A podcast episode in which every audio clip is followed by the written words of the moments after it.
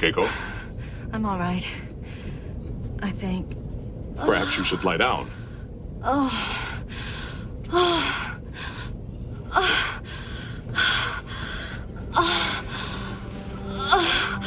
It's not open for debate.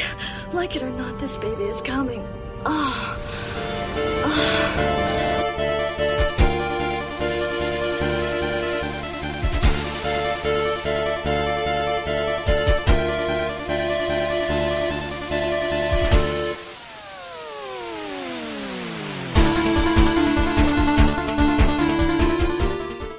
Hjertelig velkommen skal du være, kjære lytter, til episode 172 av din favorittpodkast LOL-bua. Eh, for det er vel slik eh, eh, at mange sier LOL. Jeg husker jeg hadde en venn på Akersmik. Han sa LOL, LOL når han, når han, når han ikke klarte å le, men allikevel syntes det var morsomt, og sa han LOL, LOL. Som var veldig hyggelig. Jeg har med meg mine to venner. Jon Cato heter jeg, og første venn skal jeg introdusere. Han kommer fra Nord-Norge. Han har mange kjære kallenavn. Annet eh, Badeskumsbaron, journalistenes Don Juan og Heggenveiens horebukk. Ta godt imot Lars Rikard Olsen. Takk, takk, takk, takk. Jeg liker at du eh, fremstiller deg som en player. Det er jo sånn jeg liker å tenke på meg sjøl. Oh, player, player. Mye bling, mye wop-wop. Er det, er, er det lett å være player i Harstad? Aner ikke. Ingen peiling. Jeg vil tro det. Kanskje. Har du noen gang sjekka opp noen i Harstad? sjekka opp noen i Harstad? Ja, er du gal. Det har man jo gjort. Ja, altså etter videregående. Etter Ja, jo da. Det var jo mest etter videregående jeg sjekka opp noen, for å si det sånn. Ok, vi trenger ikke å gå mer i dybden på det. Jeg føler det er egen temaepisode Ja. i fremtida. Sjekkemarkedet. Romanse og sjekking i Harstad. Vi har jo med en fra sør òg. Han også har mange kjælenavn. Gamlebyens grønnskåling, Sørlandets Supermann, Voierbyens Vinglepetter, Magnus Tellefsen. God dag, god dag, god dag. Vinglepetter. Ja, Vinglepetter er et veldig lite brukt norsk ord. det er jo den sykkelen, er det ikke det? Med sånn ett stort hjul og ett lite. Mm, helt riktig. Nei, veltepetter er det, ikke vinglepetter. Ja, vi, ok, ja, Vinglepetter er noe jeg har funnet på, da, antagelig. Ja, det er sikkert noe sånn politisk retorikk. Det Der er du inne på noe. Vi har jo snakka om å ha en eh, politikkspesial nå frem mot valget i Lolbua, og invitere folk fra ulike partier. Som vanlig renner det vel ut i fisk. Renne ut i fisk, heter det. Renne ut i fisk. Skal, er, er det her den episoden der vi bare skal kritisere meg for at jeg ikke vet navn på ting og uttrykk og sånn? Det virker sånn. Spor- Kutt, kutt. Vi har jo vi har et lite intervju med flere politikere, så vi bare, jeg bare samler opp stoff. Jeg regner med dere gjør det samme. Så får vi en Ja. stor politikkspesial før valget. Men hvordan kaller du deg, Jon Cato? Oslos kosebamse? Kroppshårenes King Kong? Jeg vet ikke. Det var veldig bra. i dag. Et kroppshårenes King Kong, kan jeg gjerne si. Tusen takk for den. Eh, vi har en, eh, en veldig eh, avslørende episode i dag. Vi skal nemlig avsløre litt sånne hemmeligheter om oss sjøl. Kanskje ikke hemmeligheter, men ting som gjør oss til de vi er. Altså særegenheter ved oss sjøl. Tvangstanker, quirks, ting vi er litt ting vi må gjøre for å fungere skikkelig i hverdagen, rett og slett. Det kommer senere. Før det kan vi jo snakke litt om hva som har skjedd siden sist. Det har gått noen dager siden sist vi snakka sammen. Det har det. Det har det. Skal jeg begynne? Jeg har, jeg det. På, jeg har drevet og ordna og fått leieboere nede. Jeg har to, to hybler, så de er klar. Og jeg er jo veldig dårlig på sånne praktiske ting. Så jeg er veldig stolt over at jeg har fått leieboere, lage kontrakter og så videre. Og liksom gjøre det klart til at de skal dukke opp til skolestart. Det er sånne universitetsstudentfolk. Ja, nettopp. Så, eh, ja, så jeg, jeg bør egentlig bli mye flinkere til, eh, til å ta, ta vare på penger. Tenke penger. Jeg er veldig dårlig Jeg trenger en CEO i mitt liv som eh, Du må, du må være CEO for mitt liv, Jon Cato, i tillegg til bedriften. En som styrer pengene mine. En slags hvitvasker, om du vil. En manager. Det er det du trenger. Ja. Det, det, jeg har aldri vært sånn utleier. Er det skikkelig Kan du liksom nekte dem hvis de har mørk hudfarge eller noe sånt, eller ja, det er jo bare å ikke leie ut til dem. Det tror jeg skjer hele tida. Å nei, du er fra Nord-Norge, du får ikke bo her. Jeg Man hører jo mye sånn der rasisme i utleiemarkedet og sånn. Ja, jeg vil tro det. Jeg har jo sett, jeg har jo nekta folk å leie fordi de ser ut som de, de eh, ikke ser helt ut til å være i stand til å ta vare på seg sjøl. Det, det er jo ikke noe du har lyst til å ha boende eh, hos deg, tenker jeg. Og da snakker jeg ikke om Nei. hudfarge, bare liksom Du går bærende på en Rema-pose når du skal fære og se på en leilighet, og så går du i treningsbukse og gammel genser. Hva er det for noe? Det vil jeg ikke. Det du, det du sier, er at vår venn eh, Knut ville ikke fått leid hos deg. Stemmer. 100 Ja, nei, men til lykke med nye leieboere, da. De er um, Får håpe det ikke er sånne festfolk som bråker mye og ja, mitt mål er å ha to som hater hverandre, sånn at de ikke skal ha noe interaksjon. Og hvis den ene gjør noe sprøtt, så kommer den andre med en gang og banker på og sier sånn 'Hallo, nå må du roe ned her, det her går ikke', og så videre. Eh, Det er en, eh. Veldig dårlig teori du har gående der. Jeg vet ikke om du har bodd i kollektiv der du har litt gnisninger mellom de som bor der, men det er alt annet enn stille i sånne, sånne bofellesskap, i hvert fall. Jeg tror ikke det er noe du ønsker deg, å stå imellom og måtte megle mellom to, eh, to leietagere. Ja, det må jo være grenser, men de skal i hvert fall ikke være bestekompiser. Bare 'Hei, nå kommer du hjem, og nå skal vi drikke øl og kose oss her'. Det, det vil jeg ikke ha. Det er ikke noe bra. Magnus, Ja. Du er jo blitt storkapitalist, jeg har skjønt. Nå Ja. driver du og hviler og dealer og selger TV-er, konsoller, kjøper nye, oppgraderer. Her er det, her, her er det penger inn og ut over en lav sko. Ja da, det er TV-markedet som, eh, som er glovarmt for tida, og jeg, jeg investerer og kjøper og selger. Kjøper og selger, kjøper og selger. Kjøpte meg en 4K-TV da skattepengene dukka opp. Um, Ja. Men jeg har også um, Jeg har begynt på et eh, kult prosjekt i leiligheten, som er et sånn der eh, Det er sånn en bør gjøre i hvert fall hvert femte år. Jeg tror jeg venter syv år med å gjøre det nå. Men uh, gå gjennom alle klærne en eier, og uh, kaste. Eller donere vekk, da. Um, jeg ga vekk eh, Jeg tror jeg kom til 17 bæreposer, tettpakka bæreposer Oi. med klær, som jeg donerte bare ut av skapet mitt her. Så hvis du ser mye narkomane og asylsøkere og uteliggere i Oslo med eh, spill-T-skjorter, så vet du hvor det kommer fra. Jeg har også gått gjennom en haug med Jeg, Jeg kasta vel Jeg tror jeg kasta 15 poser med søppel også. Rett og slett fordi jeg, begynt, jeg gikk gjennom alle kabelskuffer og sånn verktøydrit og alt sånt der, og bare Sånn som ikke sant, eh, komponentkabler og, og fonokabler og sånn der drit som ikke vi bruker lenger. Veldig lett å bare eh, samle opp og samle og samle og samle. Så nå, nå slanker jeg leiligheten og skal få litt mer plass her. Så det har jeg gjort. En skikkelig sommerrengjøring Ja, der, egentlig. altså. Veldig bra, veldig bra. Jeg har ikke så mye Jo, jeg kan dele at jeg var, jeg var på kino i helga. Og det er jo ikke så ofte jeg går på kino. Det er jo eh, for det meste med ungene, og da er det for å lide seg gjennom et eller annet eh, Pixar-drama eller På noe norsk. fjås. Åh, ja, på norsk alltid. Men jeg, jeg, jeg hater jo tegnefilmer. Jeg elska tegnefilmer før jeg fikk barn. Hater de etterpå. Sånn er det bare. Bare Er det i tegnet form, så klarer jeg nesten ikke å se det. Kanskje hvis det er Ghibli. Men det her var ikke noe tegnefilm, det var en voksen voksenfilm. Vi hadde til og med barnevakt, med og min kone var med. Jeg møtte Magnus og noen andre. Og da, Jeg tenkte over på vei til kinoen da at jeg har egentlig Det her faller litt inn med temaet i episoden, da, som er litt sånn hangups og quirks og preferanser og, og, og at, at jeg er blitt litt sånn Jeg hater egentlig å gå på kino på kvelden. Det er kanskje det verste, verste kinoforestillingen jeg kan tenke meg å gå på, må være nieren. Hvorfor det? Fordi, fordi da, når kinoen da er ferdig, så er det Ja, da må jeg hjem og legge meg.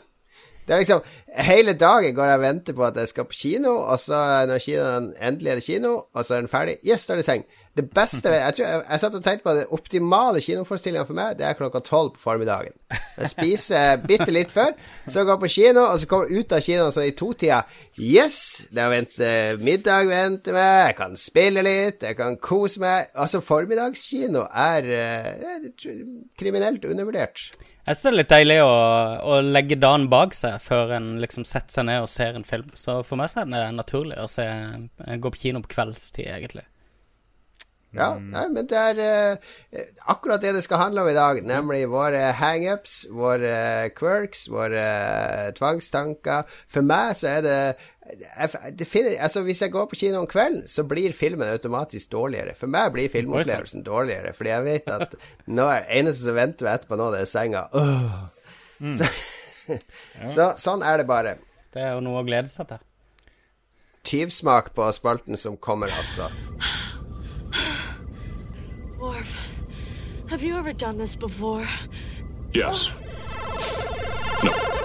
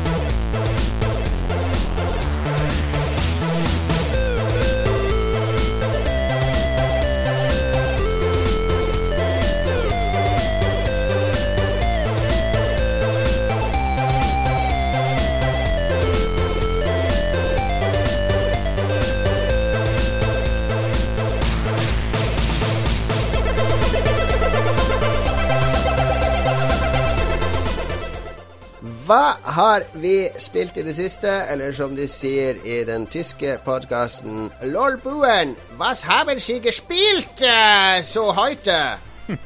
Lars. Guten Tag, Hitler. Wie geht's? Det er ikke automatisk Hitler bare fordi man smaker tysk. Det kan være Derrick eller noen andre òg. Ja, du har to valg. Du har Hitler eller Derrick. Jeg er helt enig. Jeg gjetta feil denne gangen, tydeligvis. Der har du, har du pitchet en TV-serie med mesterdetektiven Derrick og hans assistent Hitler. Ja, det er en gameshow. Derek eller Hitler? Hvem sa det her? Hvem sa det, ja? Ve- Hvem sa Ich bin von der Kriminalpolizei. Mm. Eller sånn herre okay. Jeg tror vi har en løsning på dette problemet.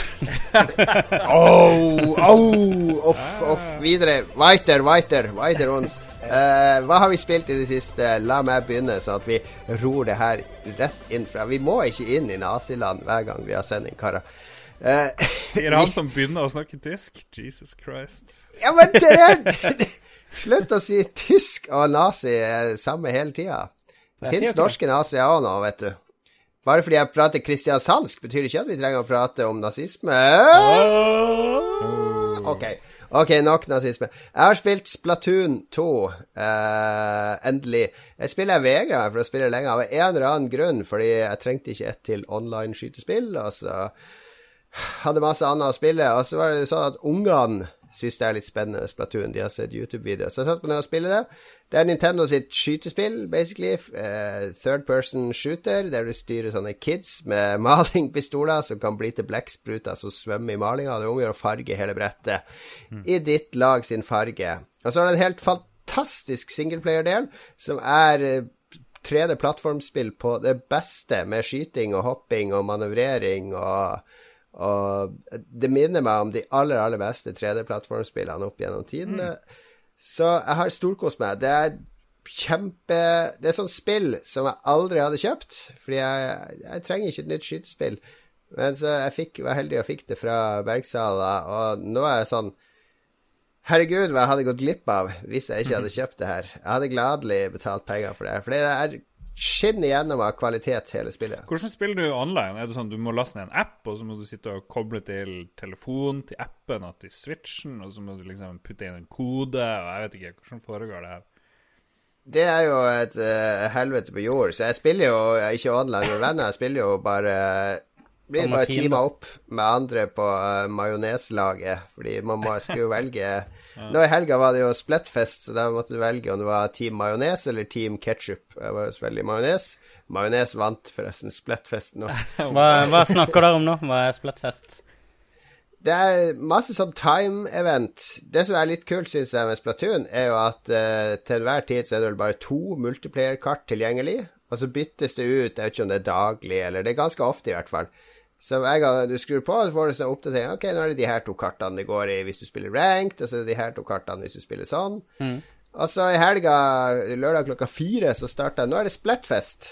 Det er Splatfest fra fire i dag i 24 timer.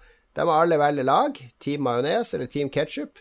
Og så går du online, og så kjemper majones mot ketsjup. Du blir teama opp med andre majonesspillere mot andre ketsjup-spillere.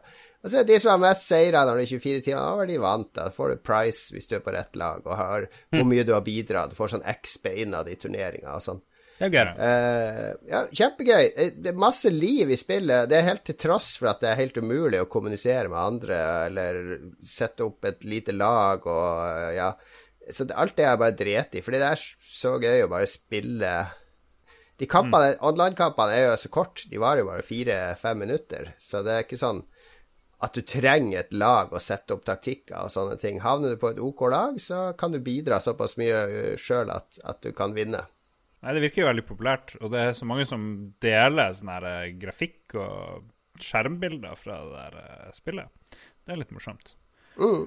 Nei, veldig morsomt. Og, og som sagt, singelplayerdelen er superbra. Altså, den alene ville jeg sagt var verdt pengene. Det er masse brett og enormt kule bosser og sånn, så to tomler opp. Splatoon 2. Du har ikke gitt opp eh, det spillet du begynte på forrige uke, som du da hata intenst, nemlig Pyre, Lars. Nei, men Jeg har ikke kommet så veldig langt heller. Jeg har bare spilt Destiny, nesten, egentlig. Så det, det Jeg har Jeg ville bare nevne at jeg spilte Jeg jeg har klart Jeg spilte to kamper. Det er jo sånn her en halvtime spilling, liksom. Så jeg har, ikke- jeg ikke kommet noe videre. Så irriterer meg etter denne kampen, så måtte jeg liksom inn i den vogna. For du, du er jo tre Du liksom hjelper tre karer, i starten i hvert fall, til å komme seg bort fra det her eh, Underworld, eller jeg husker Commonwealth, eller hva det er for noe. Og så reiser dere rundt i en sånn her vogn, og det du gjør, du gjør sånne her utrolig trasige valg. Ja, skal vi dra den veien eller den veien i vogna? Så jeg, jeg har ikke noe grunnlag for å si at det ene er bedre eller det andre. Så bare ja, gå nå dit, og så Nå kan vi gå og plukke frukt, eller så kan du studere på kontoret. Ja, jeg tror jeg plukker litt frukt. Og så er det de kampene. De kampene virker jo mye kulere enn det er alt det andre som skjer i spillet. Så jeg tenkte du kan liksom gi meg motivasjon for å spille videre det her. eh, Ja, du får jo eh, ganske utvida persongalleri etter hvert som blir med i den vogna, som du må forholde deg til. Og, Jeg fikk, en, jeg fikk en sånn stowaway. Plutselig var det ei dame, ei jente som hadde gjemt seg i vogna. og, og de uh, Storyen utvikler seg jo ettersom hvem du prioriterer. Det er alltid når du må velge vei, så er det den ene ønsker å dra dit, og den andre ønsker å dra dit, og sånn, så det påvirker ting.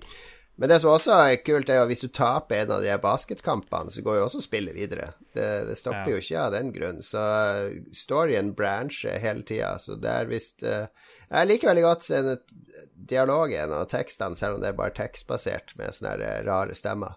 Så det, går, går det an å jukse i de kampene? For det jeg gjør, det er bare springe med den raske figuren og bare kaste ballen. Og det har fungert 100 eh, hittil.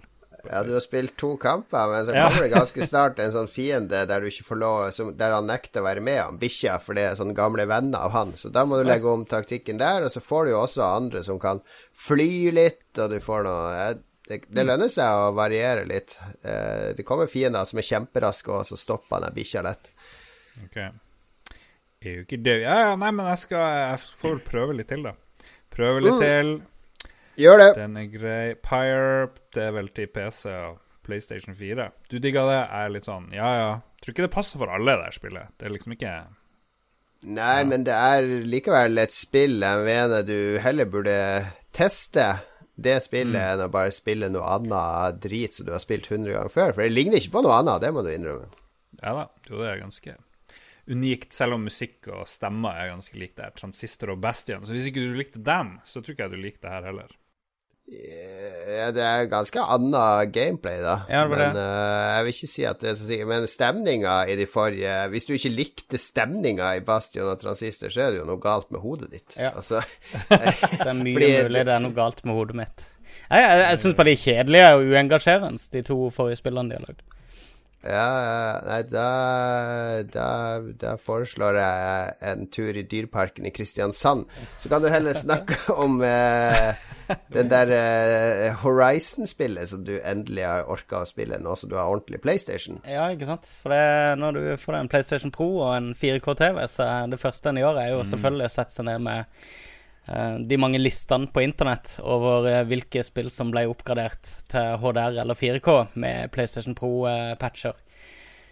Og Horizon er jo troner vel øverst på den lista for de aller fleste, siden det er det vakreste spillet det går an å spille på en PlayStation Pro om dagen. Så, eh, så jeg har spilt litt det. Og jeg er jo enig. Det er jo helt idiotisk vakkert. Um, Men jeg har ikke kicka helt på spillet ennå. Jeg, jeg, jeg vet ikke. Det, det føles veldig ordinært, og følte jeg det, Ja, det, det var liksom litt sånn Uncharted-introen uh, satt i en annen eh, setting, på en måte. Det er det jeg sitter med foreløpig. Spillet har ikke åpna seg opp ordentlig og stort sett så blir jeg bare kjørt gjennom sånne små tutorials på uh, forskjellige funksjoner i spillet. Og det er så mange av de òg, og de er så unødvendig mange av Ja, de har uh, oppdaga i ettertid. Det er akkurat det. Jeg merka at veldig mye av det hadde jeg funnet ut av, eller hadde jeg allerede funnet ut av når jeg kom til en tutorial, eller mm. en lignende. Da.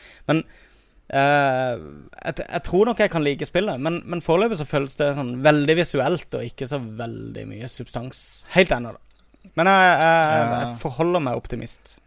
For, følg hovedhistorien, og så tar du sidemissions eh, når, du, når du er ferdig. Det Ja. kan du like gjerne gjøre. Det er nok en god Hvis ikke du må Hvis ikke du blir litt lei av hovedhistorien. Fordi hovedhistorien ti ganger bedre enn alt annet. Ja, nei, det, ja. Jeg har jo lært meg å gjøre det de siste årene. Det er jo derfor jeg plutselig har runda så mye rollespill. Er jo at jeg har klart å Mm. ikke bare sånn måtte gå gjennom hver eneste piksel og gjøre alle sideoppdrag og skaffe alle våpen og alt gear før jeg går videre til neste story mission osv. Så, så eh, jo, det er et eh, godt tips, Lars. Det skal jeg prøve å følge. That did not take long. It's easy for you to say. Ah!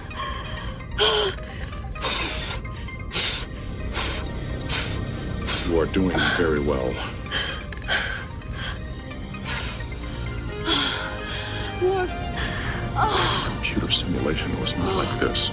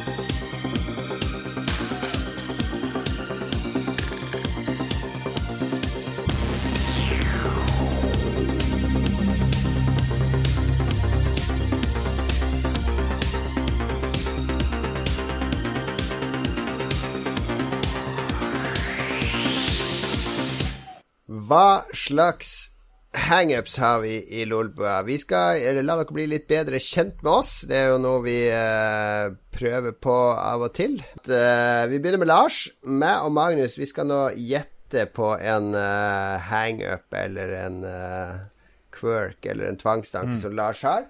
Vi skal nå poste de i chatten, eh, Magnus. Ja.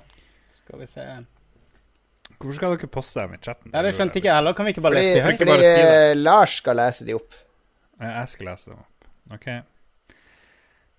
Jeg ser Magnus sin. Det var litt merkelig. Sånn. Uh, der har du uh, Der har du hele. Ok. Nå har du fått to hangups, uh, Lars. Hva, hva er det vi gjetter på? Nummer én eh, spådom, eller eh, Jon Cato tipper at jeg fungerer kun 70% uten caps.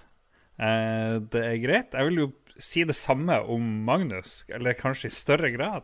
Men, Du, det, eh, det, er- det er du inne på nå, fordi jeg mente den kunne Magnus går Jeg ser aldri Magnus uten caps, bortsett fra hvis det er sånn bryllup eller noe sånt. ja. Da, da tar han den av. Men jeg tenker at når du er ute på byen blant fremmede og sånn, Lars, hvis du ikke har caps, så er ikke du 100 deg sjøl. Da har ikke du all selvtilliten din, var det jeg tenkte. Det, jeg kan jo, eh, bare fortelle deg ta det, det du, du har litt rett ofte delen av tida, men på jobb og ute på byen og sånn, så går ikke jeg så mye med caps, egentlig. Det er mer sånn uh, i, i uh, Lolbua-sammenheng, fordi jeg føler at uh, Ja, Sier du at du er litt skrudd til i Lolbua? At du er en litt sånn character? det, det har noe med å skjule den dårlige sveisen å gjøre, egentlig. Ok, ok, da bommer jeg. Da bommer jeg. Hva, hva var det Magnus tippa om det, da?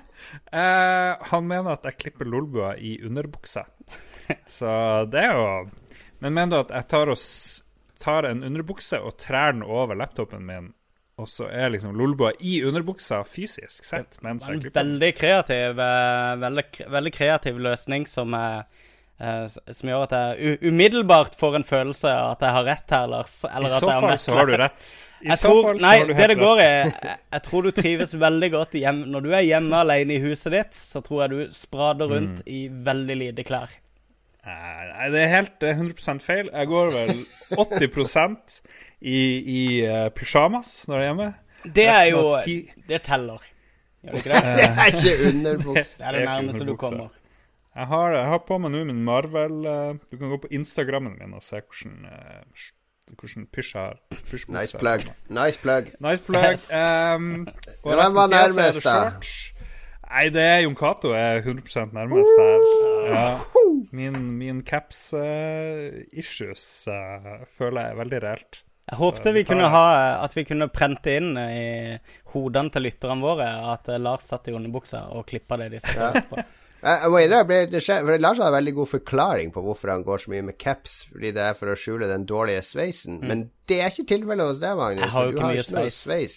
Nei? Uh, nei, altså jeg begynte å gå med cap fordi jeg har, jeg har noe sånn kødd med øyet som gjør at jeg tåler ganske dårlig lys på det. Eh, Ja, nettopp, Som i hvert fall var nettopp. kjipt. Det var veldig kjipt når jeg gikk uh, i fjerde klasse, da det begynte. Og da var jeg veldig avhengig av uh, Jeg gadd jo ikke gå med solbriller og sånne ting hele tida og se liksom ut som sånn special kid på skolen. Så eh, jeg skaffa meg Chicago Bulls-cap, som var liksom en av de første sånne teamcapene i, i Voibyen. da. Eh, dette var jo i Uh, ai, oi. Ja, var det 88, og det var liksom akkurat den moten var akkurat på vei inn i Oslo sånn, så jeg bestilte fra Gene TV her i Oslo og sånn. Og eh, etter det så ble det bare en del av looken min. Og så gikk jeg mange år uten med langt hår og alt sånt der, men eh, idet jeg begynte å skinne meg igjen, så, så kom det tilbake bare sånn Jeg vet ikke om det Jeg vet ikke. Nå, hvis du er helt skinna, så er det behagelig å ha et eller annet på huet, altså.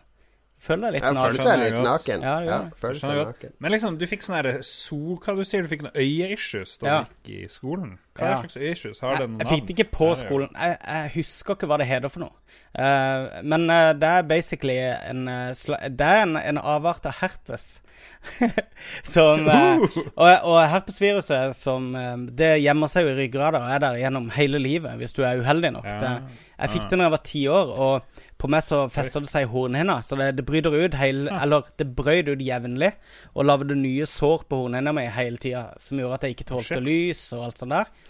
Og og det er sånn nå når jeg kikker eh, eh, mot sola, så, så bryter disse arrene De bryter lyset på hornhinna mi, og så sånn at det blir sånn superintenst lys på øyet mitt. Så jeg har jeg ramma det ennå, selv om det ikke er aktivt lenger. Det, du er Det sånn var jo vi, Hvis du får deg en fin jobb så, så der du må gå i slips og sånn, så kommer du gående i capsen og så sjefen din 'Jeg får av deg den capsen, og så bare kommer du med legeerklæringa. 'Jeg må ha caps. Står her.' Jeg brukte det én gang i fjerde klasse, faktisk. Men uh, Ja. Nei, du, jeg har ingenting problem med å gå uten caps. uh, men uh, Nei, det er bare Jeg vet ikke. Det er bare et plagg som det faller meg naturlig å hive på. Ok, Jeg føler vi er godt i gang med oversharing her. Det her er, her er strålende. Dette er bra. Men uh, Lars, dine tre hangups rett fra Ja. deg sjøl. Nå, skal vi- nå skal vi lære noe nytt om det. Ok Ja, og for dere som allerede ler av å høre om våre hangups, så kommer det lytterne, så de er mye bedre enn de vi har nevnt. Ja, de, det, er- det er mye bra.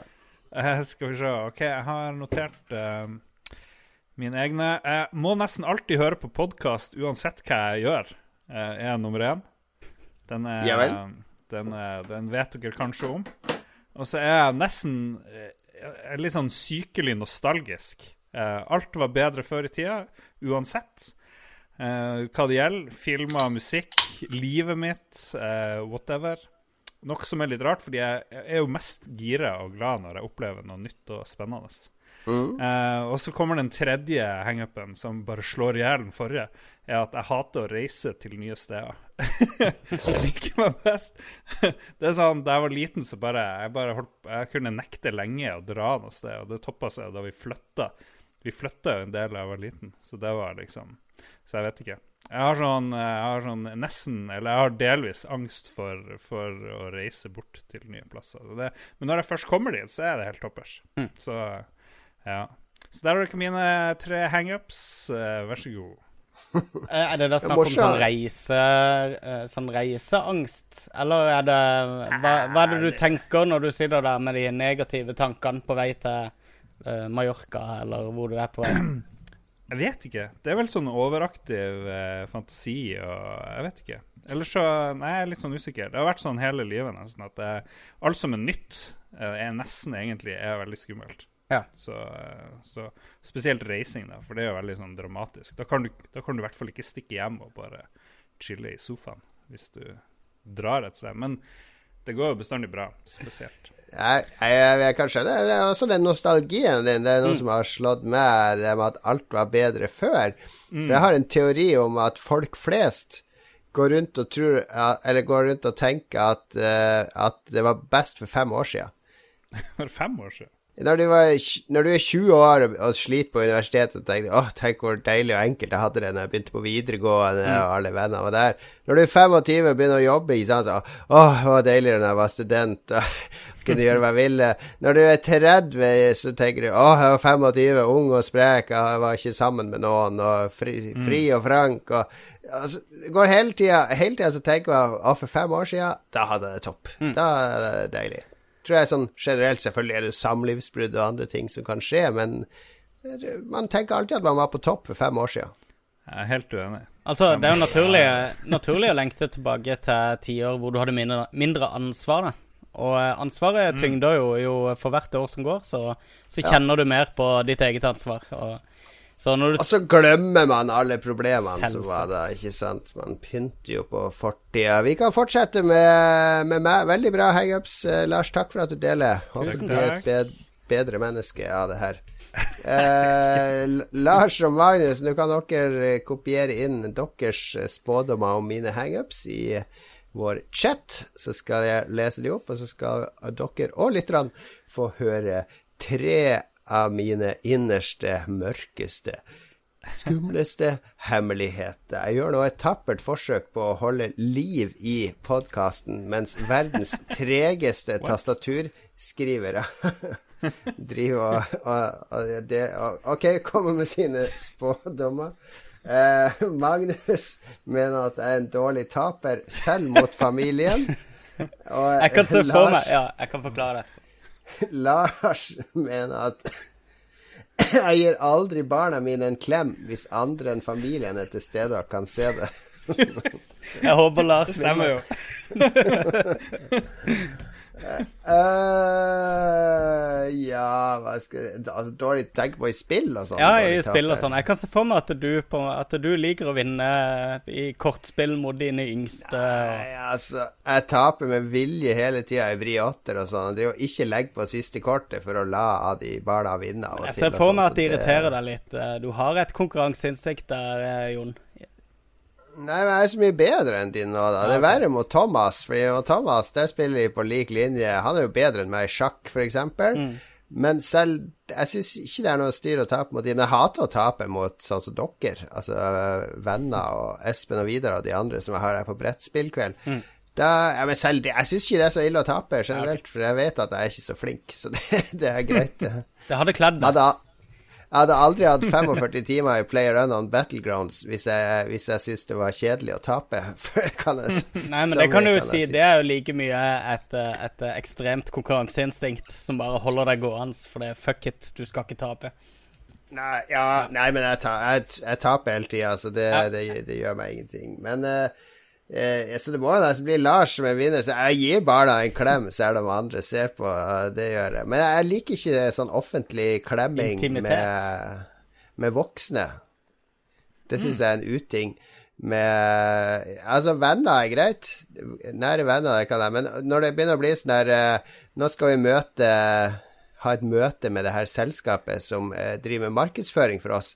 At man skal drive og klemme sånne forretningspartnere. Ja, det- de driver og, og klemmer når du skal være med på styremøte i Harstad-Tine. Driver du og klemmer styremedlemmene og sånn når du kommer inn? Nei, men jeg merker den klemmetrenden har liksom kommet hit og dit. Den har det. Den har bredd om seg over hele landet. Jeg jobba jo i PR-bransjen en periode, og da var det veldig mye sånn. Det var liksom sånn her Og så Det er bare en sånn bransje der ingen egentlig bryr seg om noe annet enn seg sjøl. Ja, ja, ja. Så, men det som er vittig, da, er ikke sant, at det virker som det er mest utbredt i nettopp de kretsene der folk bryr seg minst. Eh, den den der Ja. klemminga, den påtatte intimiteten. da. Dilemmaet til dere karer. Jobbe på et sted der man må gi alle medarbeiderne en klem hver dag. Eller jobbe på et sted der man må gi alle medarbeiderne en high five hver dag. Uironisk high five. Det er en klem. Det er en klem. Soleklar klem. Også. Ja, det, hvis, hvis, det, hvis det er Google der man gir high five, så går jeg dit. All right, all right. Mine tre reelle hangups der. Lars får vinne den, selv om det var, var ikke Ja, klemminga er greit.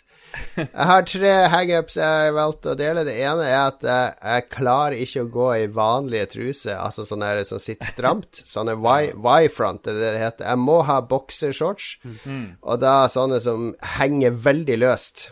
Ikke sånne boksershorts som er noe stramt. ja, skjønner. Eh, skjønner. Jeg er brag. veldig enig. Det er en humble brag her et sted. Ja, men jeg hater sånn når du begynner å klemme og, og holde ting på plass der nede. Det, jeg liker at det henger og dingler litt. Yes. og, så, og så nummer to eh, Hver gang jeg vasker hendene i vasken, så må jeg spytte. Hmm. Jeg spytter, jeg spytter alltid på sida av hendene når jeg vasker. Ja, jeg det er totalt ubevisst. Men hvis jeg ikke gjør det, sånn prøver å ikke gjøre det, så blir jeg helt sånn Hva skjer nå? Nå er det galt. Nå er det galt.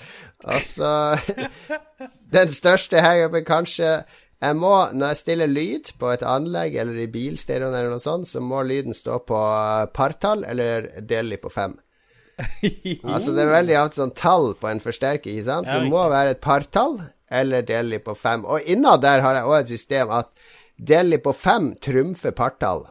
Så hvis jeg har valget mellom å ha lyd på, på 8 eller 10 14, eller 15 eh, eller 16. 12 eller 14, ja. 15 eller 16 15 er bedre enn 14 og 16, for Ikke å si det sånn. Eh, eh, vakkert. Beautiful mind, er Ja, men det er eh, Og når Synne, kona mi, har vært og stilt lyd når jeg ser den stå på 13 og sånn, så må jeg liksom snike til meg forsterkerkontrollen og så stille den enten opp eller ned én for at jeg skal slappe av. Ja, jeg skjønner. Nei, men det, Jeg likte den siste der. Men eh, kan jeg gjette på at Magnus bruker mer, mindre brief, eller boksere, enn deg? Han er litt mer sånn lemfeldig i forhold til det der med truse og boksershorts. Lemfeldig? Hva legger Ja, du i det? Du, du er ikke 100% bokser. Eh, jeg var det lenge. Uh, jeg er ferdig i en, en overgangsfase til trangere plagg. Oh. Ja, det, Er det det er nytt. dama, eller er det deg sjøl? Nei, eh, det er meg sjøl som bare oppdager det. Jeg, jeg har typisk sånn gått inn en gang i året og så bare slengt 500 spenn på disken på en som Maurits og handla, handla boksere. Uh, Jeg ser for meg Magnus kommer inn på så bare, bare sleng den 500-lappen på bordet. Yes, give me some truser, baby! så ble det bare stille der inne, ikke sant? Og alle bare wow. Ja, det her er Nå skal det kjøpes truser, ja! Gjør det 500 spenn i truser! Eh, jeg vet ikke om det er fordi du har Fleksnes som nikk, men jeg ser for meg at han uh, Wesenlund kommer med 500 kroner i eh, Bør Børsan eller et eller annet. og Ja, riktig. Eh, truse for 500 kroner, hvor han jo ville fått 10 000 truser, for det koster jo ingenting i Bør Børson-dagen. Nei, men ok, Beklager å ta oppmerksomheten bort fra Nei dine hangups, Jon Cato. Eh, Vi trenger ikke å snakke mer om det. Vi skal jo ha, ha Magnus sine òg. da må jeg og du klippe de inn i chatten mens Magnus holder liv i sendinga. Skal vi se uh, liv, liv, liv, liv, liv, liv. Eh, der, ja. Jeg er veldig spent. Jeg føler jeg har på en måte vært spart til slutt, for det er på en måte gralen her på hangups. Sånn. Nå har vi begge lagt inn. Ja. Ja, OK. OK. Vittig. OK. Uh, Jon Cato uh, mener at jeg ikke klarer å nyte ukjent mat. Og Lars mener at jeg alltid pusser tennene når jeg skal møte dama, uansett hvilken tid det er på døgnet.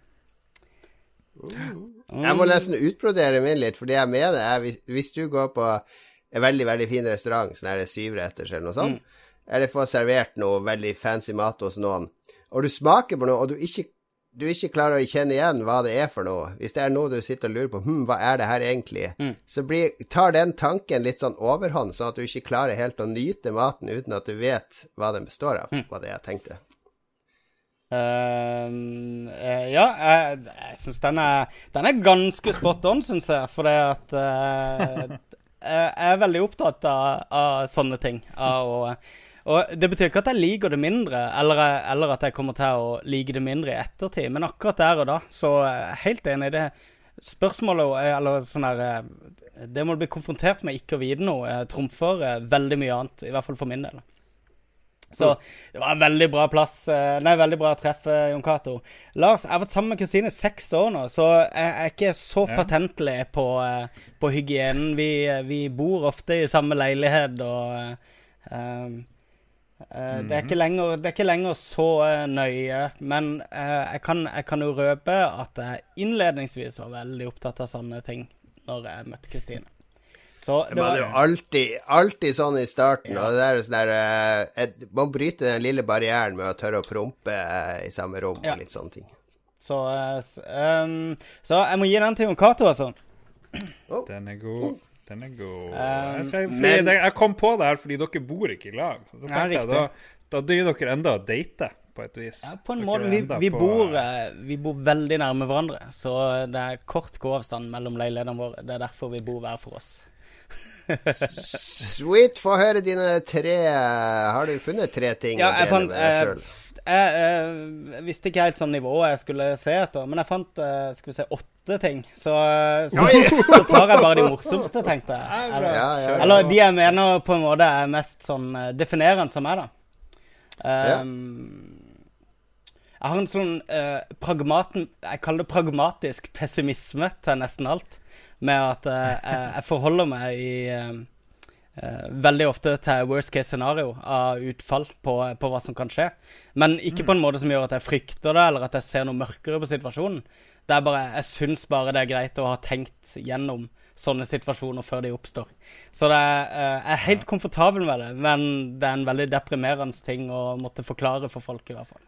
Du kaller det ikke pessimisme, du kaller det pragmatisk pessimisme. Hva er det du sa? Ja, riktig. For det, at det, det, det er liksom en, en måte på Du er allerede i gang med Eller er allerede i gang med å løse det i det jeg ser for meg. Worst case scenario, OK, hva oppstår, hva man i så fall gjør, osv., osv. Det er jo grader der, og du tenker Ja, ikke Du sitter ikke og ser på hvor eh, dødutgangene er på flyet, og Nei, nei, nei. visualiserer Nei, nei, nei. hvordan du skal løpe ut på vingen og hoppe i redningsbåten. Nei, men eh, enhver utfordring jeg, ser jeg gjerne ikke for meg det, det beste utfallet på. Jeg, jeg regner med at det går galt, men jeg prøver å se for meg hva som kan gå galt. da. Og, Har, du, har du med deg ekstra toalettpapir overalt hvor du drar? nei, nei, jeg har ikke det.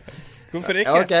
Ja, men vi må gå videre. Vi må gå videre. Ja. Pragmatisk pessimist. Jeg kan gå eh, eh, Jeg kan gå ekstreme lengder uten å spise eller å drikke eller å hvile eller noen ting. Jeg kan tyne meg sjøl til det helt absurde og eh, nesten bli sånn rusa av næringsfattighet.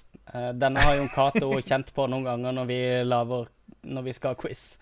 Eh, Mm, mm.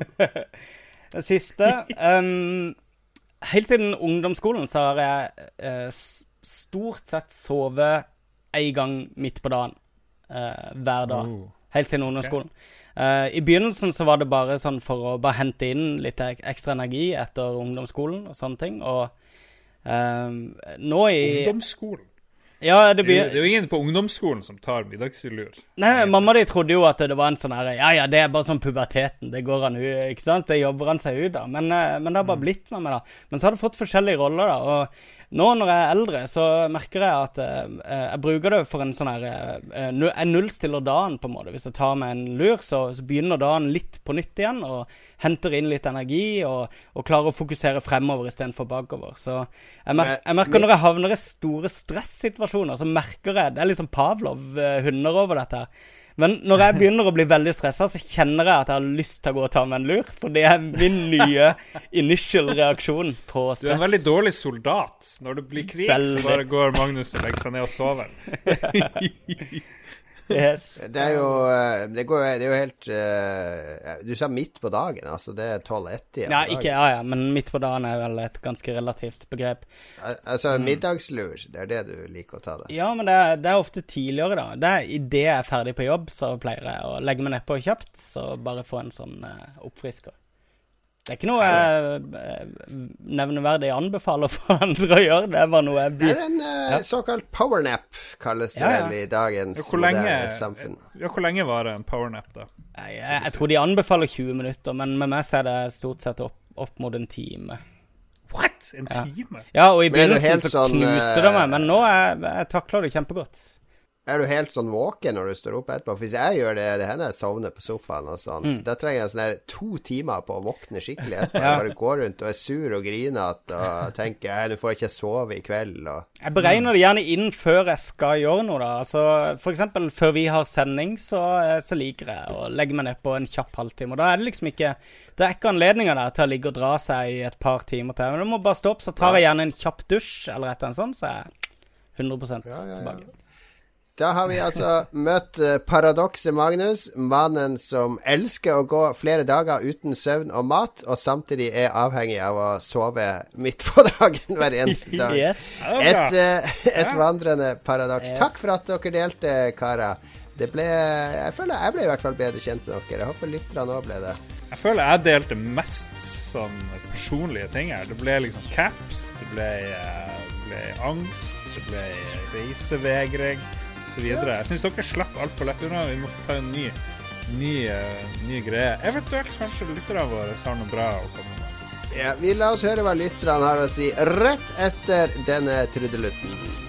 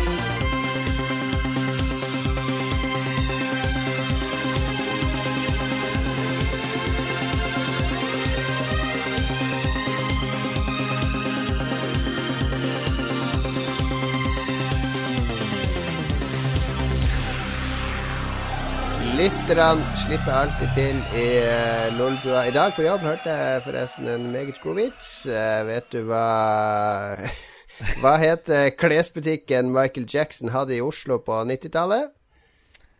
Billy Jeans. Hey. OK, takk for oss. Takk for i dag. Yes. Det var Lolbua. Finn oss på Facebook, på Twitter. Besøk om Cato i Lambertseter, like ved Nei, slipp skogen. nå til lytterne, så jeg kan gå på do. OK.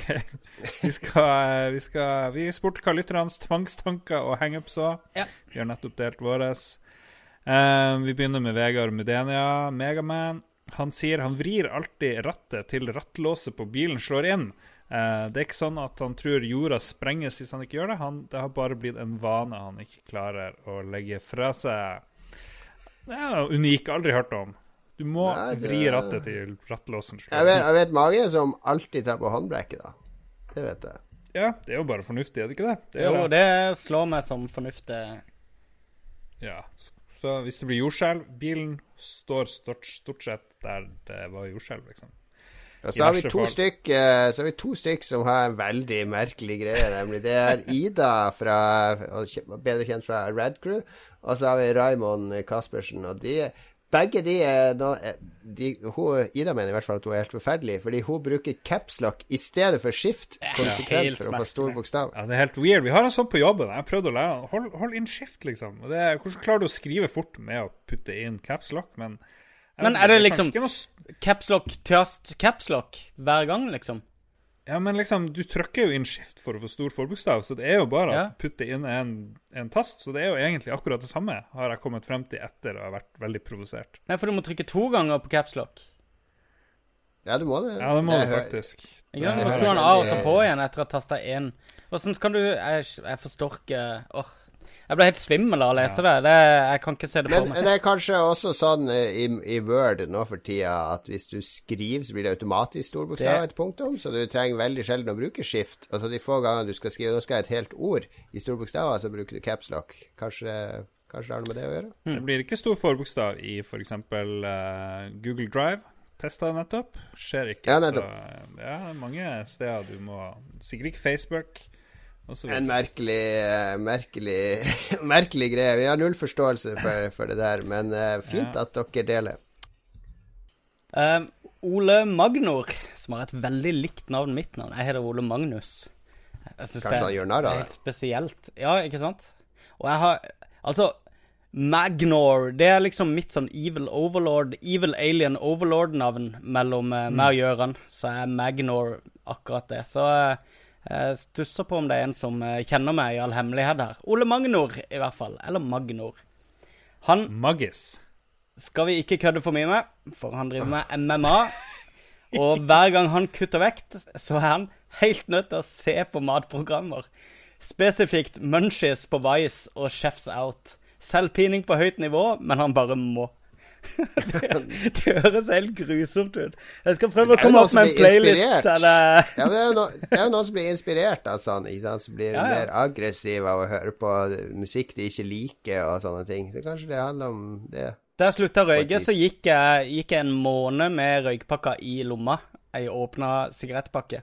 Eh, bare for å egentlig bare presse meg sjøl på at eh, det er tilgjengelig. Det er tilgjengelig. Gjør det da hvis du absolutt vil. Og det var, en, det var en enkel måte faktisk å la være å gjøre det. Så kanskje det er noe av den mentaliteten som spiller inn. Men når dere var i Kanskje. militæret, gikk ikke dere, og man spiste bare sånn her drit på øvelse i fem, seks, syv dager, tenkte ikke dere på sånn her mm, burger på, i Bjerkvik og litt sånn? Tenkte alt dere skulle spise når dere var ferdig? Spise, spise Seigman eller et eller annet når du er ferdig på øvelse. øvelse? brukte feil pronomen der når du var i militæret, Jon Cato Eh, het det. jeg var ikke i militæret. Ja, ja, ja, nesten. ja. ja. Du var i uh, Hva det heter Navy Jo, det, alt jeg tenkte på, var å kjøpe Grandis på kiosken og steike oppe på eh, kaserna. Det var det eneste jeg tenkte på på øvelse. Herregud.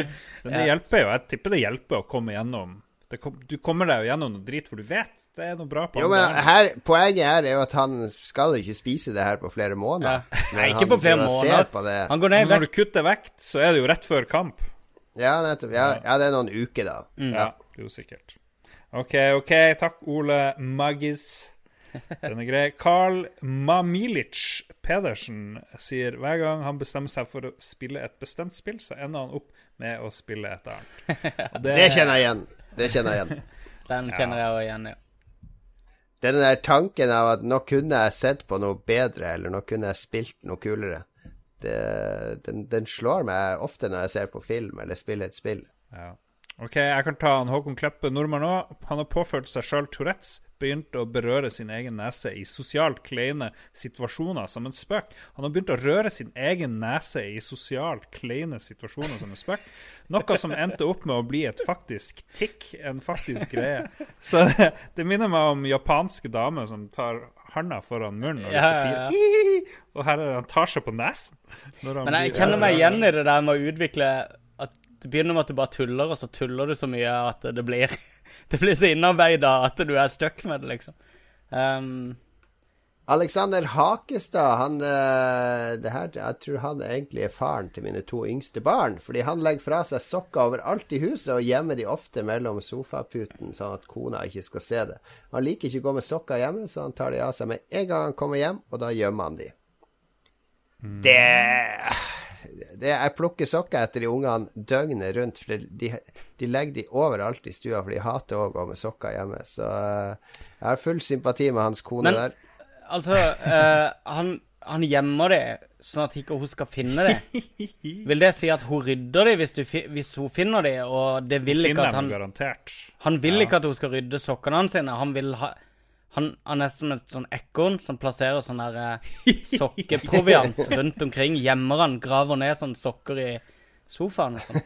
Ja, jeg er litt sånn jeg, Det ligger sokker litt her og der, og hettegensere her Ja. og der. Men eh, jeg prøver ikke å gjemme dem, da. Det gjør jeg ikke. Så, men jeg, kanskje jeg er på vei dit. Jeg tror vi må inn Alexander til forklaring her, rett og slett. Ja, denne var litt interessant. Den her har noen, eh, noen dypere undertoner. Morten Bakken, derimot, der kjenner jeg meg mer igjen. Hver gang han skal ha seg vann fra springen, så må han helle ut to glass før han drikker det tredje. Jeg er helt enig. Ja, ja.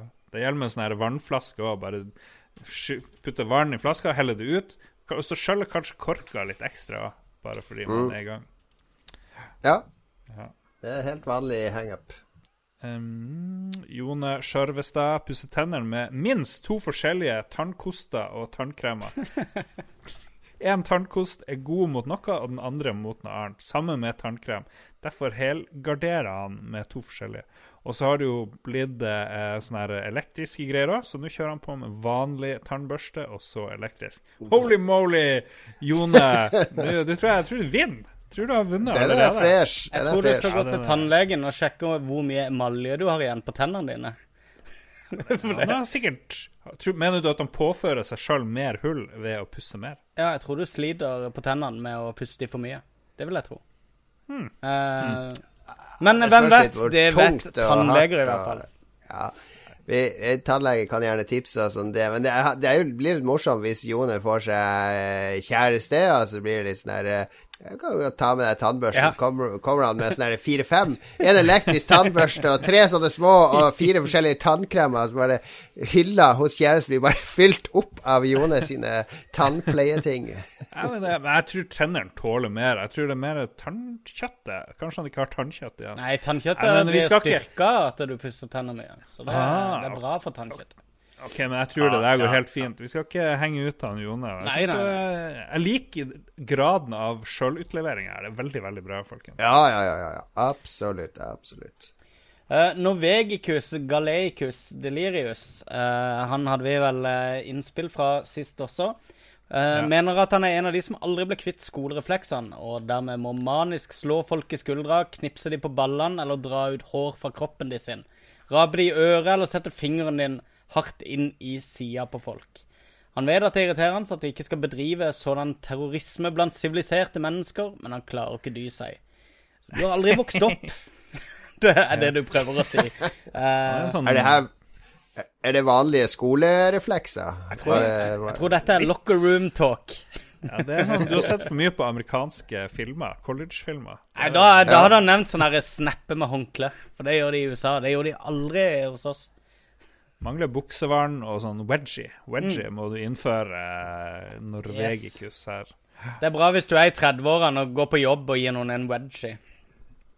Han høres ut Han minner meg om Bam Margera, egentlig. Jeg tror han Norvegicus uh, Gallicus Delerius er sånn norsk Bam Margera, som også drev og terroriserte foreldrene og dytter folk og slår folk og eh, ja, kanskje Ok, Kan vi identifisere han ved å finne de norske Jackass-utgavene, hvis de fins?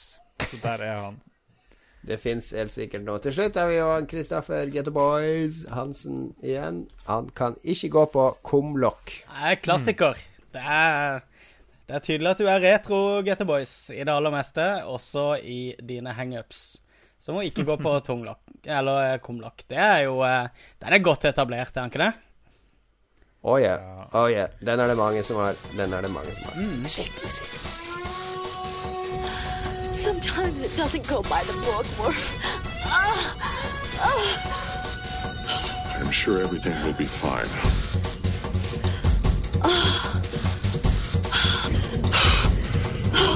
Congratulations. You are fully dilated to 10 centimeters. You may now give birth. Push, Keiko. Push hard. Push, Keiko. Push. Push!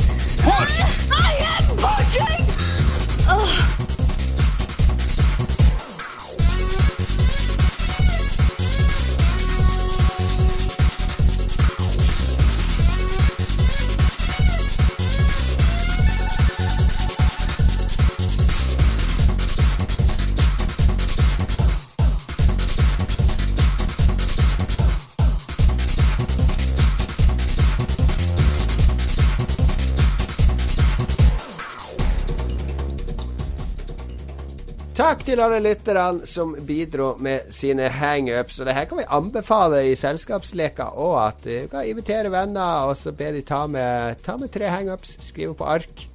Kanskje klipper de opp, og så blander alle i en kurv, og så skal man trekke opp hangups fra kurven og gjette hvem av kompisene er det som har lagt den hangupen i.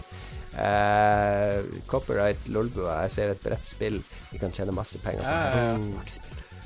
Vi skal komme med våre anbefalinger til slutt her i sendinga. Vi sprer glede og humør og gode råd hver uke ved å anbefale nye opplevelser til alle våre lyttere. Og Lars, du har eh, ferie nå, så du gjør eh, ikke så mye forskjell fra når du jobber. Du sitter nå hjemme og ser på film og spiller spill. Det er som å være sykemeldt, og ferie hjemme er som å være sykemeldt. Det kan jeg slå fast. Nei, jeg har sett uh, den eh, nye serien på Netflix som heter Ozark. Ozark. OZARK, som visstnok er et område i noen, på grensen av flere stater i USA. En sånn midt i landet. Her foregår det i Missouri, ved en sånn svær innsjø. Og dit flytter han her eh, eh, Marty Hva farsk kan han hete? Han spilte av han Jason Bateman, i hvert fall. Han fra Arrested Development. Arrested Development. Utrolig morsom skuespiller. Han drar med familien og drar til der ute i bushen fordi han er en hvitvasker av penger og har havna i problemer med meksikansk mafia. Og må liksom bare dra et nytt sted og starte på nytt på et vis. Eh, veldig Breaking Bad, egentlig, bortsett fra at her vet familien hva som foregår, og de er liksom med på, på leken. Um, det er litt Brewsters millioner, fordi han må hvitvaske penger. Det betyr at han må bruke så mye penger som mulig på kreative måter. Ta skitne penger og bruke dem i systemet og gjøre dem rene penger igjen. Og, og så videre. Så eh, ja, det, det starta veldig bra. Veldig kult. Eh, mye vold, mye kule karakterer. Uh, og så roer det litt ned. Så jeg fikk veldig den her uh, Breaking Bad-feelingen en stund, og så bare ja, ja. Helt greit. Eh, sånn Breaking Bad er jo en klar sekser, så det her er kanskje en fem, fem, fem minus, et eller annet sånt. Så, eh, veldig fint filma, mye kule omgivelser fra steder jeg aldri har sett i USA før. Uh, Har du sett uh, hele sesongen ennå? jeg så hele sesongen. Yep, Ja, nettopp. Ja. Men det er noe av det Det er jo mye av av sånn litt luguber kvalitet som kommer på Netflix nå, men det her er noe av det bedre av det nye. ja, ja. Jo da, jeg vil si det. Han der Jason Bateman er helt konge. Ja, han Ja, har regissert var- fire episoder. Han har regissert to første og to siste, tror jeg. Noe sånt. Ish. Så Mm. dem er i hvert fall Det er ti episoder til sammen. Ti episoder, bra skuespillere, morsomt. Hillbilly ute i bushen pluss, pluss. Det er veldig gøy. Han kjøper bl.a. en strippebule. Det er jo veldig morsomt. Men jeg føler de utnytter ikke potensialet. De liksom, Breaking Bad, der går de helt crazy. Knart. Det lander et fly oppå huset deres osv. De, de tar det ikke helt, helt sånn ut her, og det skulle jeg ønske de gjorde. Man tror liksom det, men ja. Det, det.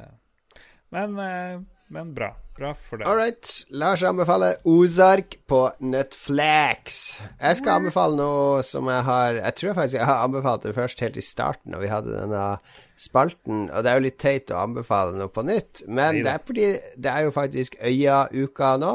Eh, når du hører det her, hvis du hører det her på eh, release-dagen, hvis alle har gjort jobben sin, altså på fredag, så er det dagen før Øya-lørdagen, og på lørdagen på Øya så skal Car Seat Headrest spille. Det er mitt favorittband fra i fjor, som jeg oppdaga i fjor. Eh, indie indie-rock, en sjanger jeg egentlig hater intenst. Men det her er sånn indie-rock sånn som hvis Weezer hadde vært flinke på 90-tallet, så hadde de laga det her. Det, det, er litt sånn en, en vibba fra 90-tallet sine indie-grunge-band, bare litt flinkis og mye følelser. og av en eller annen grunn jeg falt pladask for Car Seat Headrest sin siste plate, så sjekk ut på Spotify Car Seat Headrest, og kommer du deg på øya på lørdag, så blir det eh, blir i hvert fall mitt høydepunkt den dagen. Dere vet hvordan løgnere bare graver seg dypere og dypere ned i sitt hull. Det er blant annet det her bandet her som ikke eksisterer. For i forrige uke så sa jeg gi meg tre band jeg bør høre for å fære, liksom skal lukke meg til øya. Og så kommer han med Nei, det er sånn Pocket Pocket Lint, Pocket Calculators, og så er det Car Seat Headrest og andre random navn. Og nå bare skal han liksom undergra eller liksom forsterke sin, sin uh, At han vet hva han snakker om. du skjønner jo, alle bandnavnene er tatt. Alle bandnavnene er tatt, så nå er det bare sånn Det er bare ting igjen nå. Du kan ikke kalle bandet ditt Car Seat Headrest. Nei, det er jeg faktisk enig i. Jeg syns det er et kjempedårlig bandnavn. Uh, men det er sikkert, ja, ja, ja. det er sikkert herlig random og crazy hipster og uh, alle mm. fniser litt når de får høre det, så eh, det er Ja, ja, ja. La oss komme med all vår negativitet i denne spalten igjen og ødelegge det vi har bygd opp over tid! Nei, det har alltid vært et element av negativitet her, Jon. Det har stort sett vært deg. Så forskjellen er bare at nå er det vi som, som gjør det. Ok, okay jeg trekker det tilbake. Ja, ja, ja. Jeg ler, hold på meg. Jeg ler så uh, ribben brister. Yes. Og nå trekker jeg pusten og forventer en uh, saftig anbefaling fra Magnus. Ja, saftig og saftig. Du nevnte innledningsvis at uh, vi var på kino, og jeg tenkte kanskje jeg skulle ja. anbefale filmen vi var så. For vi var på ja. Cinemateket og så 70 mm-versjonen av uh, Dunkerque. Den uh, mm. nye uh, kred krigsfilmen som har dukka opp på kino i det siste. Mm. Film tar for seg retretten fra belgiske Dunkerque, hva? over den engelske kanalen. Uh, hvor mm. uh, de fokuserer på uh, enkeltmenneskers uh, roller og skjebner og opplevelser underveis i, okay. i hendelsesforløpet. filmen er gitt et ekstremt sånn mektig lydspor som for det meste består av, av dissonans. Um, som ifølge en kompis jeg var så han sammen med, sa Han hadde sett en egen dokumentar om åssen han gikk frem for å, Han som lagde filmmusikken, nå husker jeg ikke hva han heter i Hans Zimmer. Ja, det var Hans Zimmer, ja. At han, han hadde en egen teknikk på åssen han kunne eh, på en måte få en lyd til å høres ut som han på en måte bare stiger og stiger og stiger, selv om han mm. egentlig ikke gjør det. da. Um, ja. Høres det, utrolig irriterende ut. Ja, men det er så intenst. Altså, uh, i film, eh, altså Filmen er bare en lang sånn cliffhanger etter cliffhanger etter cliffhanger. Ja, det bygges bare opp ja. sånn crescendo, er ikke det det heter? Det bygges ja. opp, bygges opp, bygges opp bygges opp hele tida, så får du puste i et halvt minutt, og så er det noe nytt. Ja, og det er så Ikke sant, det er sånn liv og død-situasjoner, og det ikke sant, Jeg gikk ut, og det første jeg gjorde, var liksom å tenke på den der norske Max Manus-filmen. Så tenkte jeg OK. det uh, det fins flere nivåer av krigsfilm. Uh, men uh, jeg vil si at spenningsnivået er ca. på det nivået der jeg var når jeg leste Max Manus-bøkene. Og da var jeg sånn Da satt jeg nesten bare og skalv, så spennende syns jeg det var. Uh, og sånn er denne filmen nå. Uh, jeg slutta å røyke for uh, snart syv år siden, og en sigarett var det første jeg hadde lyst på når vi gikk ut av salen. Jeg, jeg, var, jeg, var, mentalt sliten etter å ha sett den. men jeg anbefaler den veldig. utrolig mye bra skuespillere. Det føles ekte. Det føles som, det føles som det er, det er, veldig, det er veldig kunstnerisk laga, litt sånn minimalistisk, fordi det er ikke så mye Det er ikke mye dialog og prat Nei. og plott. Det er liksom et veldig drømmende kamera som beveger seg fra situasjon til situasjon, og du får ofte se ting fra flere det går litt fram og tilbake i tid, så du får se samme situasjon fra flere synsvinkler. Ja. Og, og, så har du veldig mye uh, Kamera følger veldig vinkelen til skipet, f.eks., hvis det kanter. Så mm. du får se folk opp ned som driver og drukner og, slår opp mot Altså, det er, det er, veldig mye kaos i det. Veldig mye mørke, veldig mye kaos, og det er den herre hele følelsen av at dette kan gå helt galt. Hele fuckings tida. Men det er heller ikke det der uh, ristekameraet som ofte er i krigsfilm, der du, du ikke skjønner noe som helst. Det er ganske, eh, det er det sant. er ganske lett å skjønne hva som skjer. Så jeg syns den var helt genial. Den er nesten på høyde med Come and See, som er min favorittkrigsfilm fra, fra Russland, som jeg har prata om flere ganger før. Eh, veldig suggerende og hypnotiserende og intens. Så obligatorisk å se. Men jeg må si 70 mm var litt sånn plagsomt, fordi det flimra så veldig når det var hvitt. Jeg tror ikke det er så mye med 70 mm, noe- millimeter men, men uh, ja. Uh, det var det jeg òg tenkte, at de burde nesten hatt sånn epilepsiadvarsel på den filmen. Uh, Ja. Med tanke på og, og det flimra For det var veldig mye sånn grå Det Hvorfor flimrer det? Grå sånn ettermiddagshimmel. Ikke sånn, Sånn kjempelys grå himmel uh, i bakgrunnen. uh, på veldig mye mørke figurer, og da får du Ja, altså Lyset var i hvert fall ikke veldig jevnt. Det var, Kanskje det var noe bullshit på, eh, på dronningen? Ja, og det var det han kompisen min mente, at, at hvis du skal kjøre 70 mm, så skal du egentlig Uh, Da står du og følger med hele tida mens du gjør det. Det er, det er visst en, en sånn heltidsjobb, bare å, å følge med på selve kjøringa av selve filmen i, i rullene. Så det kan ha vært noe av grunnen. Anbefales varmt av eh, begge to, i hvert fall. Og jeg syns litt over at det er 70 millimeter. Høres så imponerende ut. De skulle kalt det 7 centimeter. Ja. Det ingen som hadde gidda å gå og se en film i 7 centimeter. Det høres jo bare patetisk ut. Ja, det gjør det. Jeg kan nevne det er Christopher Nolan som har uh, regissert den. Christopher Nolan, Memento, Dark Knight Returns, Inception Mm. osv. Uh, veldig bra film. Det var det vi hadde for denne gangen. Nå skal jeg løpe ut på Klubbøya og begynne Øyafestivalen-feiringa. Mens Lars han skal vel inn i Walt of Glass. Og Magnus han skal nå spille Uncharted 4, bare for å sitte med sånn der stetoskop foran skjermen og se om eh, HDR-fargebalansen er 100% optimal. Ja.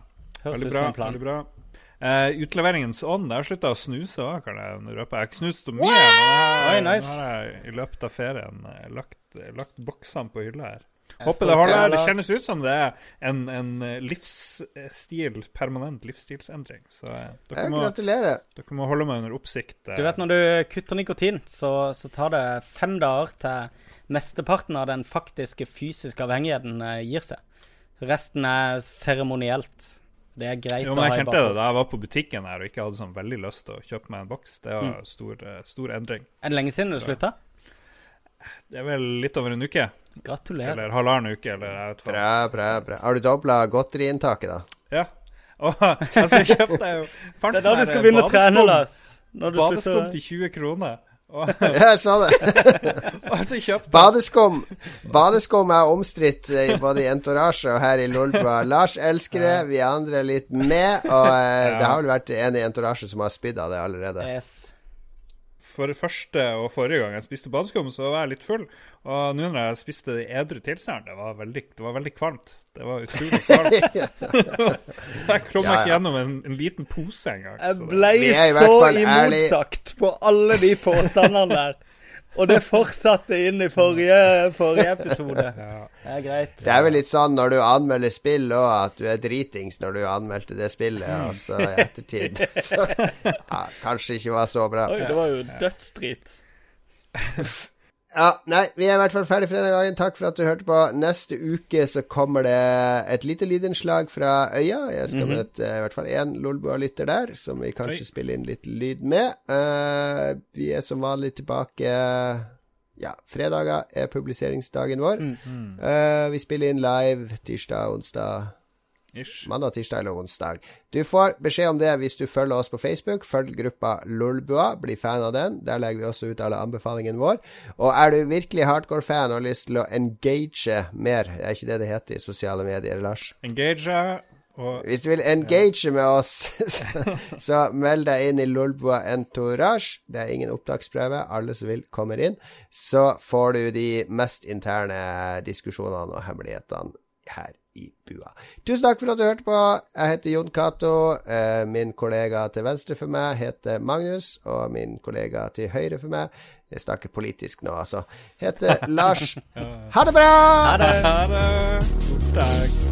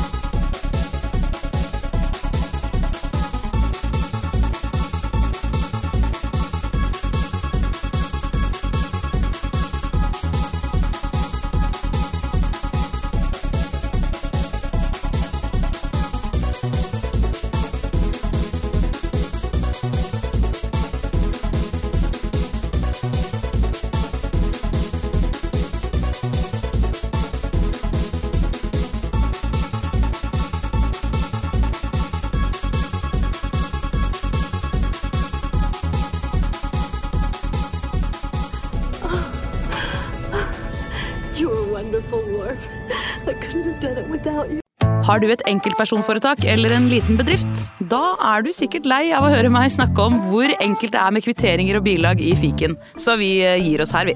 Fordi vi liker enkelt. Fiken superenkelt regnskap.